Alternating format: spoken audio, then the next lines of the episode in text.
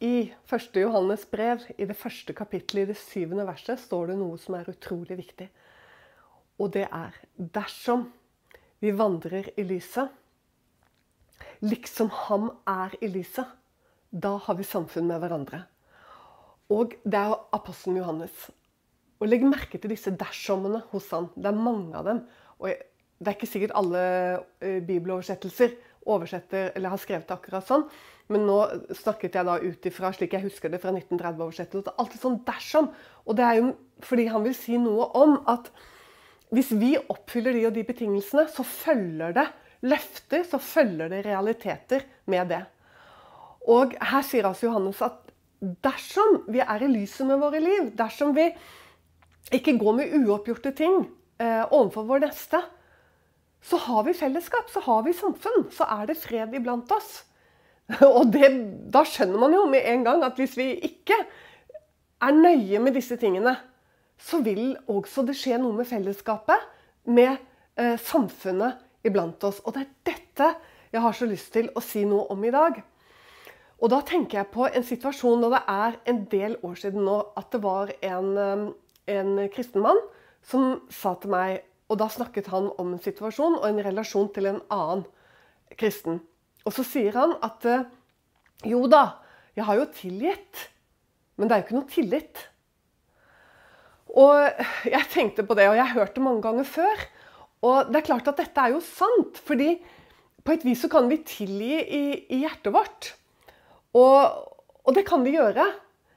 Men selve den eh, kan du si, forsoningen som Nytestamentet, og egentlig også Gammeltestamentet, underviser om og lærer oss om, det er ikke på det nivået. Det er, det er på et annet nivå. Fordi det er nesten som Nytestamentet bare regner med Altså at eh, en, en, type prosess er full forsoning. da. Hvor det ikke er snakk om at du ikke har tillit til din bror liksom, eller din søster. Det er liksom noe som, da, da, er det ikke ting gjort ordentlig. Og det er dette, og det er her jeg tror vi tar litt for lettvint rett og slett, på dette her med fellesskap og det å leve i lyset og, og sånn. At, eh, og jeg har lyst til å gå inn i det, fordi det er mange steder i Nytestamentet som omhandler dette. Og på å si dessverre, det er litt annerledes enn sånn som vi tror. altså. For vi er litt sånn da, ja ja, du må jo bare tilgi, da. Ja ja, du må jo bare tilgi, da. Sånn, sånn da. Og eh, skjønner vi alltid hva vi sier for noe? For du vet at dette her, for det første så er det jo en prosess, og det er jo ingen, sant? Og det er mange ting inn i dette. Men Guds ord er så nøye på det. Fordi det handler jo om hjertene våre. Sant? Og det er jo det viktigste av alt. For der går jo livet ut fra hjertene. Og Da skal vi gå til Matteus evangeliet, til det femte kapittelet. Og Der står det noe som er uh, utrolig viktig inn i denne sammenhengen. her sånn. Og Da bare leser jeg for dere fra det 23. verset. Og det er Jesus som her blir sitert. ikke sant? Og han sier Derfor Her kommer det en, uh, ikke en dersom, men her kommer det en derfor. Hvis du kommer med din gave til alteret, og der kommer på at din bror har noe imot deg så la gaven din ligge der foran alteret, og gå derfra. Bli først forlikt med din bror. Kom så og bær gaven fram. Og du, dette her tror jeg nesten Jeg tenker mange som har lest det, har liksom Altså Det er jo en god del, og spesielt i Nytestamentet, av disse tingene vi ikke forstår, og ofte av Jesus også. fordi vi tenker liksom Jo, vi forstår det, men vi liksom Det var da veldig, da. Altså, liksom? Hvis, no, hvis, du vet om at noen har noe imot deg, eh, skal du la være å gi gaver? Men Jesus liksom, Hva mener du? Det var ikke det litt voldsomt? Men eh, det er så spennende at han sier dette. For det første så er det jo også tenker jeg da, viktig at ikke vi overdriver det i en sånn betydning som vi skjønner at det kan det ikke bety. Og da mener jeg det. Fordi eh, altså, det går, alt, det går, jo an at mennesker har imot deg, selv om, selv om du ved Guds lys og ransakelse vet at du, har ikke gjort noe galt. ikke sant? Og noen allikevel bare har imot deg fordi holdt å si, de liker ikke trynet på deg. eller noe sånt. altså, det, det, er jo ikke der Jesus er. Det han, det han her vi vet jo at han hadde fiender. ikke sant? Som, han hadde ikke gjort om noen ting, men de kunne allikevel ikke tråle han, De hatet han. sant? Det er ikke det det handler om her. Og, og det det handler om her, er nemlig at Jesus underviser oss om noe som er kjempeviktig. Og det han sier noe om her, er at hvis vi står i en konflikt, og vi vet at vi har gjort noen noe skjønner Du Du vet at du har gjort noen noe. Du har ikke helt ren samvittighet. Da skal du la den gaven være. Og det er så bra, og det er så i overensstemmelse med hele Guds ord. Når Jesus sier det, selvfølgelig er det det, når det er han som sier det. Og det er jo derfor vi må alltid bråstanse når det er noe vi ikke forstår. Og det er han som sier det, for han er, han er ordet. Og det er alltid sant, det han sier. Og det er alltid noe som er veldig viktig når vi kanskje ikke forstår det. Eller vi, eller vi liksom har lyst til å bla forbi, for det ble litt vanskelig. Da er det ekstra viktig at vi stopper. For da er det noe som krasjer litt med vår menneskelige tenkning. Og dette er et sånt eksempel. Fordi vi mennesker Du vet at det å ydmyke seg og det å innrømme at vi har gjort noe galt, det er vanskelig for mennesker helt ifra håper si, vi kunne krype og gå. Uh, og noen ganger kan det være vanskelig fordi vi stadig er under anklage. da. Altså vi, At du faktisk er for streng med deg selv, og du stadig kommer i sånne konflikter inn i sinnet ditt. Uh, det kan være én ting. Men det kan kanskje mest, og det er det det handler om her, handle om vår stolthet. Vår dårlige evne til å se det Jesus kalte for bjelken i vårt eget øye. Og, og, og, og derfor så er stadig ordet innom disse tingene fordi det handler om kan du si, en brist i vår menneskelige natur. Og en veldig tendens til overmot. Hør her. Overmot, faktisk. Det greske ordet for synd er overmot. Altså denne stadige tendens til overmot og stolthet. Og den ligger i naturen vår, rett og slett. Altså Det er vanskelig for oss å innrømme ting. Og Jesus sier det at hvis du kommer på ikke sant? Og da er det ikke sånn bare kom, sant? det jeg sa. Vi snakker ikke om det. Vi snakker om at du kommer på Du vet egentlig at du, at du er i konflikt med noen. Du har såra noen, du har gjort noen vondt. La være å ofre. Og det, spesielt det. Spesielt det! For du skjønner, det er også noe som er typisk oss mennesker. Det er at Nemlig hvis det er noe vi ikke vil se, og det er noe vi ikke vil innrømme, og det er noe vi ikke vil på en måte gå inn i og gjøre skikkelig, så vil vi i stedet veldig gjerne ofre. Og det kan bety alt fra gode gjerninger til å gi pengegaver, til å gi litt ekstra i tiende.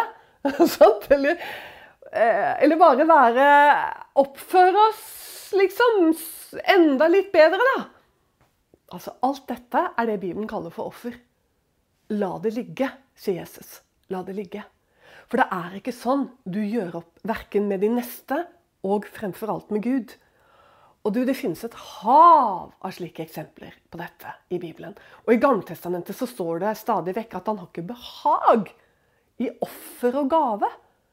Hvordan skal vi forstå det? For vi vet jo at offer og gaver og sånn var jo noe, en ordning Gud innsatte med Moses. Så det kan jo ikke bety at han plutselig ombestemte seg og ikke hadde behag i det han lærte dem. Selvfølgelig ikke. Men det står alltid i sammenheng med noe som er viktigere, nemlig lydighet. Han har mye mer behag i at vi er lydige. I stedet for For du skjønner det. Når vi mennesker ikke er det, enten mot Gud eller vår neste, så vil vi veldig ofte ofre. Altså Vi vil ofte gi, kanskje til og med gi de menneskene vi har trampet på eller såret, vi vil gi de en eller annen gave. Vi vil, gjøre noe annet for dem. Vi vil liksom gjøre et eller annet sånn. En eller annen sånn eh, sidevei. I stedet for å gi det du skal som er å gjøre rett og lydighet mot Gud. Jeg håper å si sånn, Hva er det Gud krever av deg? Som det står i Mika, at du gjør rett, ikke sant? Det er det det står. Og gjerne vise miskunnhet. Ja. Sånn at dette er det viktigste. At vi handler rett overfor Gud og vår neste. Og det er her dette med offer og gave snoker seg inn. nemlig, Og som Jesus også helt i overensstemmelse med Det gamle testamentet underviser oss. La det ligge. Gå og gjøre opp på en ordentlig måte. Og du har en i Det gamle testamentet, og det er ofte der vi ser historiene utspille seg. Sånn at vi kan lære av Det gamle testamentet, som er innblåst, som det står i Det nye testamentet, av Den hellige ånd, og den er til opptuktelse og lærdom for oss. Og kong Saul, som levde før kong David, han ble jo avsatt Og han hadde det med dette, skjønner du. Han er et sånn glimrende eksempel på det å være ulydig, for det første, mot Gud og sine medmennesker. Eh, men også så ser vi dette. Hva var det han i stedet likte å gjøre? Jo, han likte å ofre. Han likte å gi gaver. Og vi ser fra 13. kapittel i 1. Samuels bok til 15. kapittel, så ser vi Saul. Han havner i dette flere ganger. At han, eh, at han liksom I stedet for å gjøre det han visste var rett, så i enten menneskefrykt, ja faktisk hver gang menneskefrykt, så handler han i ulydighet mot Gud, og da også mot mennesker, og fører mennesker ut i forferdelig vanskelige situasjoner. Fordi han er redd for sitt eget skinn. Det er jo alltid gjerne det menneskefrykt handler om. At vi er redd for at vi er redd selv. Vi er redd for at vi skal bli avvist. Vi er redd for at vi skal bli støtt ut. Vi er redd for at vi skal bli stående alene. At vi skal bli rammet. Og det handler jo i ytterste konsekvens om at vi mistviler Gud òg, ikke sant? Det er jo det. For han tar jo vare på den som gjør sine stier rette. Han tar jo vare på de. Hans øye farer, står det i Bibelen. Over hele jorden for å se etter de hvis hjerte er helt med ham. For å kraftig støtte dem. Sånn at vi, sånn at vi tenker så feil. Og Saul, han tenkte så feil. Så, så når han ble redd og mistvilte Gud og mennesker, så begynte han å ofre og gi gaver. Og to ganger så rettesetter jo i hvert fall profeten Samuel han, og den siste gangen så sier han så klart og tydelig at Saul, du må skjønne at det er noe som er mye viktigere enn det du sier nå, nemlig at 'Å, jeg vil jo bare ofre, jeg vil jo bare gjøre vel, jeg vil jo bare gi gaver til Gud', ikke sant, og ta det beste. Se hvordan vi vender våre motiver. Skjuler motivene for oss selv. Vi skjuler de rett og slett. Saul skjuler de for seg selv. Og tror at han kan skjule de for Gud, og tror at han kan skjule de for Samuel. Og Samuel lar seg ikke lure, sant? og sier til han Det er noe som er viktigere, Saul, enn offer og gaver. Og det er at du gjør rett og lydighet mot Gud.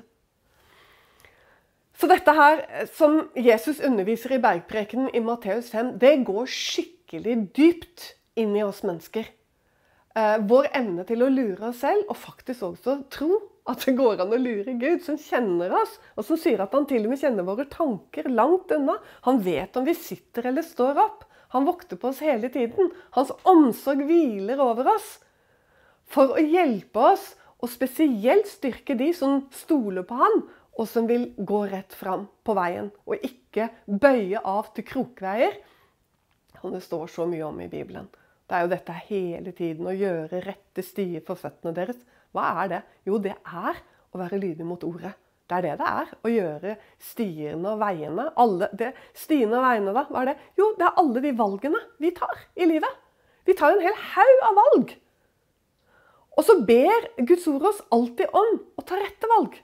Og rette valg, det er å være i overensstemmelse med Guds ord. Det er å ta rette valg. Det er ikke alltid du kan vite alt du skal gjøre sånn eller sånn, når det begge deler egentlig sant, er ikke et problem overfor ordet.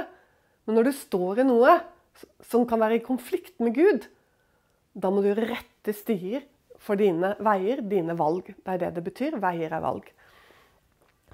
Og det fins et annet sted som er veldig bra å gå innom i eh, Det gamle testamentet for å bare belyse dette enda mer. For det er så mye av det, og du støter på det stadig vekk. Og det er jo Josef den nest yngste broren til patriarken Jakob. Du vet Abraham, Isak og Jakob. ikke sant? Jakob er barnebarnet til Abraham. Jeg snakket til deg som ikke leser så mye i Bibelen også, for å dra med deg. Jakob han er jo opphavet til israelfolkets tolv stammer, fordi han fikk tolv sønner. Og disse tolv sønnene de ble til Israels tolv stammer. Og den nest yngste av disse sønnene eh, het eh, Josef, og han har en helt utrolig historie. Og egentlig hele starten på dette her sånn handlet jo om faktisk at pappaen, Jakob, elsket han mer enn de andre sønnene. Og hvorfor gjorde han det? Jo, fordi han ble tvunget til å gifte seg med to søstre. Han måtte ta med den eldste. Ikke, den han, ikke, bare den han elsket, som het Rakel, men han måtte også ta med en som het Lea. Gå gjerne inn og les disse utrolige historiene om Jakobs liv i første Mosebok. Og Dette ble opphavet til vanskeligheter, fordi Jakob gjorde jo forskjell mellom disse sønnene fordi han elsket Josef mer. og ga han ekstra fine klær og sånne ting. Og dessuten var jo Josef en sladrehank og fortalte hva brødrene gjorde og sånn og sånn. Vi skal ikke ta hele denne historien, den må du lese selv. Men det som skjer, da, det er jo det at uh, brødrene får lyst, altså de vil drepe han.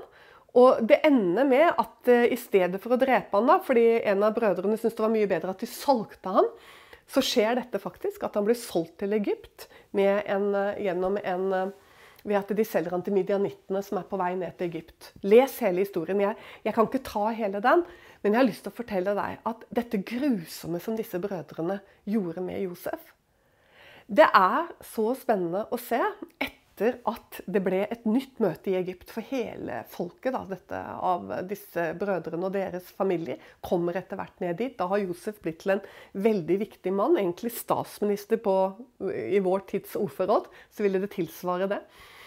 Og, og, når de kommer dit, og sånn, så kjenner jo ikke de igjen Josef, men han kjenner dem igjen.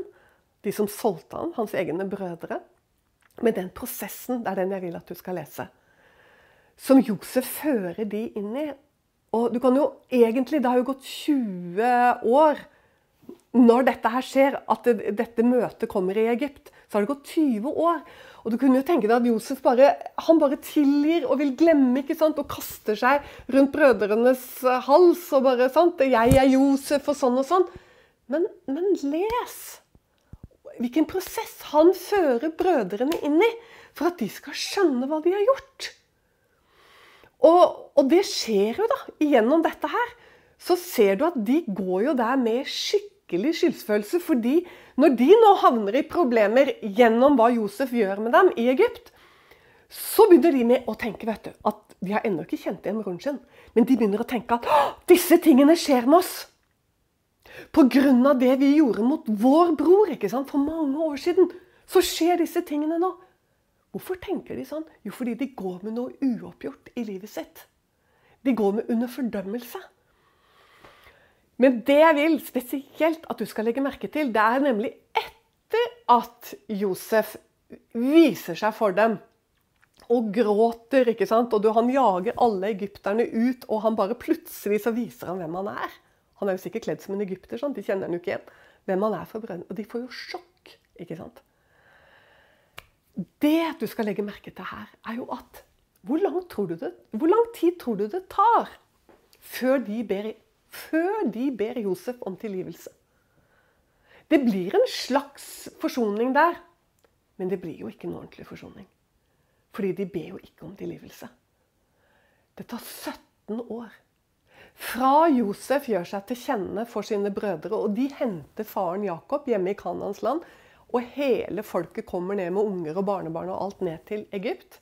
Hør nå, med Jakob så tar det 17 år, altså helt til Jakob dør, før disse brødrene for, sier Josef, tilgi oss for det grusomme vi gjorde imot deg. Så det er i siste kapittel det, av første Mosebok at, at Hæ? Er ikke det bare så talende? I siste kapittel i første Mosebok så kommer dette oppgjøret. For da har de, da har de blitt så redd. De har blitt så redd. Altså, da er de helt presset opp under veggen, for nå er faren død. Og de tenker at det er jo faren. Altså, de har latt være å be om tilgivelse, det, fordi de har støttet seg på faren. Altså, Så lenge faren levde, han som var far for dem alle, så ville jo ikke Josef gjøre oss noe. For da er vi på en måte trygge. Men når faren dør, 17 år senere, da blir de redde. Tenker de, Bare nå ikke Josef tar livet av oss. Så det er først når de er presset opp under veggen, at de er villige å gå til broren sin og be om tilgivelse. Og det kan du lese om. Det er veldig interessant. Og ikke, ikke kommer de selv heller. De sender et bud. Og, de, og, og, ikke gjør de det helt på egne vegne heller. De sier, at, de sier at vår far sa til oss at vi burde be Josef om tilgivelse. Og ikke kan du finne noe sted i Skriften hvor det står dette. og egentlig, Skjønner du? Så du kan spekulere på hvordan er det mulig, når de gjorde noe så grovt mot han, at de kunne holde det gående så lenge før de ba om tilgivelse? Men det er så den menneskelige natur. Og det er så sant om de prosesser som mange ganger må inn i et menneske før et menneske er villig å be både Gud og mennesker om tilgivelse. Det kan ta årevis, og i mellomtid er det veldig lurt at du tilgir i hjertet ditt. Men hør hva jeg sier. Det er ikke noe, og det gjorde Josef, nemlig. Han gjorde det. Men det ikke, du så det var ikke et godt samfunn. Du ser han, han gjorde forskjellsbehandling sant, i forhold til Benjamin, som var hans helbror. Og de som var hans halvbrødre. Altså Benjamin som aldri var med på å verken angripe han, kaste han i brønnen eller selge han. Så det blir ikke et fullt samfunn, og at eh, dersom vi vandrer i lyset, har vi, har vi samfunn med hverandre. Du kommer ikke dit. Det er først når de ber Josef om tilgivelse, at alt er godt. Og Josef kan virkelig forsikre dem om at han skal aldri gjøre dem noen ting. Men det er så sant om den menneskelige natur. Hvor langt det kan sitte inne for oss å ta dette oppgjøret. Men Eva, er det virkelig sånn at Nytestamentet er så nøye på det? det er, liksom, er, det virkelig sånn? Ja, det er virkelig sånn. Og det er faktisk mer enn vi, enn vi mange ganger tror. For hvis du går til Matteus, vet du, Gud glemmer ikke. Det er ikke sånn at ja, ja, liksom, ja men vi tilgir, sant? Ja, vi ordner og gir litt gaver. Og, ikke sant? Vi holder jo på sånn. Vi, vi, gir noe annet til de menneskene i stedet. Eller, sant? Vi ordner og mikker det til. da. Men Gud han er bare så nøye. vet du. Han er veldig miskunnelig, veldig nådig med oss, veldig langmodig med oss. Men han gir seg ikke. Så det er innmari lurt å på en måte være et sånt menneske som litt sånn, lever litt i ransakelse og i lyset. Sånn, dersom vi vandrer i lyset, sier Johannes. Utrolig viktig å ta med seg. Men gå da til Matteus 18. Der kommer jo Jesus og gir oss hele på en måte, Hva er det du skal gjøre?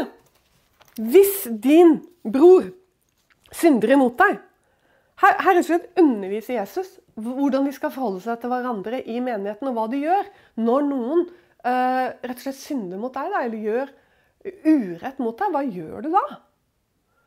Later du som ingenting? Og, eller hva gjør du for noe? Uh, ja, men jeg er liksom en sånn person som er, jeg er bare veldig raus, og jeg henger meg ikke opp i ting. og men saken er det at eh, du skjønner, Guds ord kjenner som oftest oss mye bedre enn vi kjenner oss selv. Og det er veldig mye av det vi tror at vi har på en måte ikke brydd oss om, eller ikke hengt oss opp i. det. Så allikevel så skjer det noe, vet du. Og, skjer, og hva er det det skjer noe med? Samfunn, fellesskapet. Sånn. Fordi at mennesker som virkelig har såra deg skikkelig Du vil jo ikke, du har ikke lyst til å være sammen med dem. Og, og noen ganger så er det, å, sant? Du har bare virkelig ikke lyst til å være sammen med dem. Selv om de tilsynelatende er hyggelige. Nei, å nei, sant. Det var ikke det. Det gjelder for oss alle. Vi er sånn. Og hør hva Jesus sier, da. Det er jo derfor Jesus er så nøye. Han sier hvis din bror synder mot deg, gå da og irettesett ham. Som en sak bare mellom deg og ham. Det er jo så rett. Det er jo så fantastisk. Altså, Du går ikke og prater om den personen til andre. Sånn? Det, det gjør du jo ikke. Men jeg skal si deg en sak. Hvis ikke du begynner her, som, Jesus sier da, hvis ikke du begynner her, så er det noe annet som er like nærliggende for et menneske som må begynne å gi offer og gave og surre det til. Altså hvis du er den som på en måte forbryter deg. da. Eh, men det som er veldig vanlig hvis du er et offer for det, og du ikke konfronterer din bror eller søster, det er at du går og prater. Du går og snakker om den personen til andre. Og det, har, det sier jo Bibelen mye om hvilken skade det gjør. Du kan jo, du kan jo faktisk virke karakterdrap på et annet menneske gjennom munnen din og hva du går rundt og snakker. Sant? Så det, det, gjør du jo ikke. Det er derfor Jesus sier at du må gå og snakke med den personen i enerom. For Hvis du går og har vondt eller du er såret Ja, kraftig såret, da. Vi kan ikke begynne å ta opp alt mulig, da. Det, altså, vi, må jo, vi, må jo, ha en litt sånn derre Hva skal jeg si av, av, at vi er mennesker, og vi snubler og faller. ikke sant? Og vi, vi sier noen ganger ting og sånn og sånn. Og vi, vi kan ikke gå sånn etter folk. Det er jo ikke det Jesus snakker om her. Han snakker om at noen etter ordet, forstår du, har såret deg, eller har overtrampet, har syndet, har stjålet, har løyet, har, skjønner, har, har gjort noe som er urett etter Guds ord, da, mot deg. Det er du som er rammet. Da sant? Og du klarer ikke helt å bli ferdig med det heller, vet du. Fordi det er et visst alvor over dette. Da går du og snakker med den personen i enerom. Det er det første du gjør. Og da står det Hvis han eller hun hører på deg, sier Jesus, så har du vunnet din bror. Og jeg tar med din søster. Det gjelder jo selvfølgelig det samme. Da har du vunnet. Så du har vunnet, du har vunnet tilbake en, en, en, en bror. Og så sier han Men hvis han ikke hører Jeg har litt lyst til å si at jeg tror at som oftest hvis du gjør dette første, så vinner du din bror eller søster. Som oftest tror jeg det skjer. Men jeg vet jo at det er jo ikke alltid sånn. Det, skjer, det, det er jo ikke alltid sånn. Og derfor, fordi eh, Gud kjenner oss så godt, så har han jo ikke stoppet der. Så sier han når, du, når din bror eller søster ikke hører på deg, hva gjør du da? Gir du deg, da? De fleste gir seg jo her, vet du. Man orker jo ikke å begynne å la sant? Men se da hvor nøye Jesus er. Han sier nei, du gir deg ikke da. Da skal du hente to vitner. Og så skal du med de to vitnene. Og det er sikkert ikke hvem som helst. Liksom, da tar jeg med vennene mine, liksom. Skjønner du Sant? Her er det sikkert litt sånn i forhold til menighet og sånn, hvem du da forholder deg til. Da tar du med deg to andre og snakker med denne personen. Og da skjønner vi jo at her er det jo ikke noe sånn Ops, det var noe som skumpet borti deg på jobben, liksom. En kristen bror. Sånn, vi kan ikke fly etter hverandre for alt mulig. Nei, du skjønner, dette er, dette er det et alvor over. Da tar du med deg to til. Altså viktigheten av å løse opp i det, som er å bli rammet etter Guds ord, at noen synder mot deg. Og hvis den personen heller ikke hører på den, så skal det fram for menigheten. Hva? Hvor mange menigheter i dag, da? Hvor mange år må vi gå tilbake før noe sånt nå ble praktisert? Jeg vet ikke. Og det er sikkert eh, kanskje at eh, det er noen som virkelig gjør opp i ting og hjelper til og ser på det som en viktig ting i menigheten. At når det skjer alvorlige ting sånn, så skal det ryddes opp i.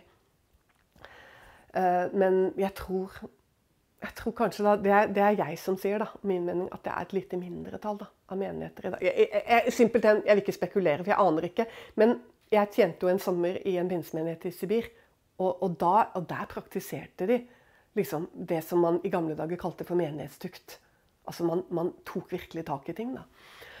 Og så tipper jeg nå skjønner du, at en del har sluttet med dette også i senere tid. Fordi at dette skapte en del kanskje virkelig problemer og, og uviselige ting. Og, og, gjorde hele saken verre. Og det kan jo skje.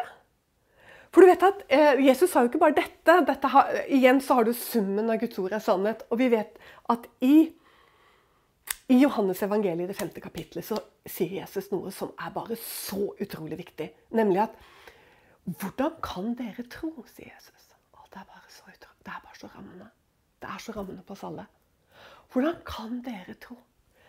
Dere som tar ære av hverandre.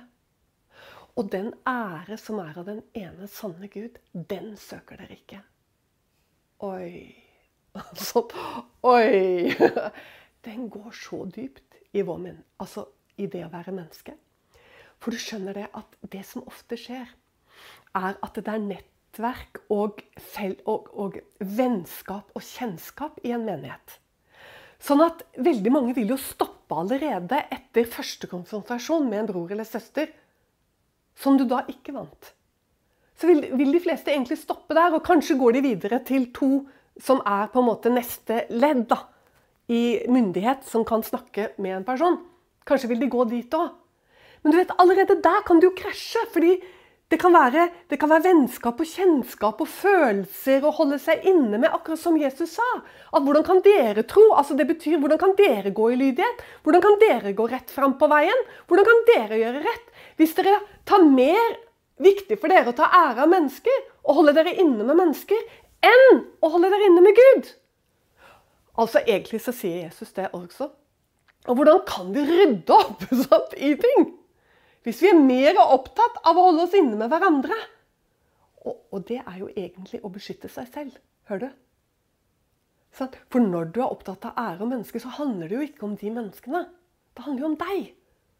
Det handler om at du beskytter deg selv fordi du faktisk snubler i tillit og tro til Gud. Det er jo det det er. Dypest sett er det jo mistviling du mistviler Gud, og at han tar vare på deg hvis du gjør det som er rett. Hvis du gjør, går rett fram, så kommer han til å ta vare på deg. Og ikke bare deg, han kommer til å velsigne sant? menighet og fellesskap og alt. Vi har ingenting å frykte når vi gjør det som er rett. Men dette handler jo om, og det er jo derfor Gud er så nøye på det, fordi dypest sett så mistviler vi han og hans omsorg for oss. Det er jo det vi gjør.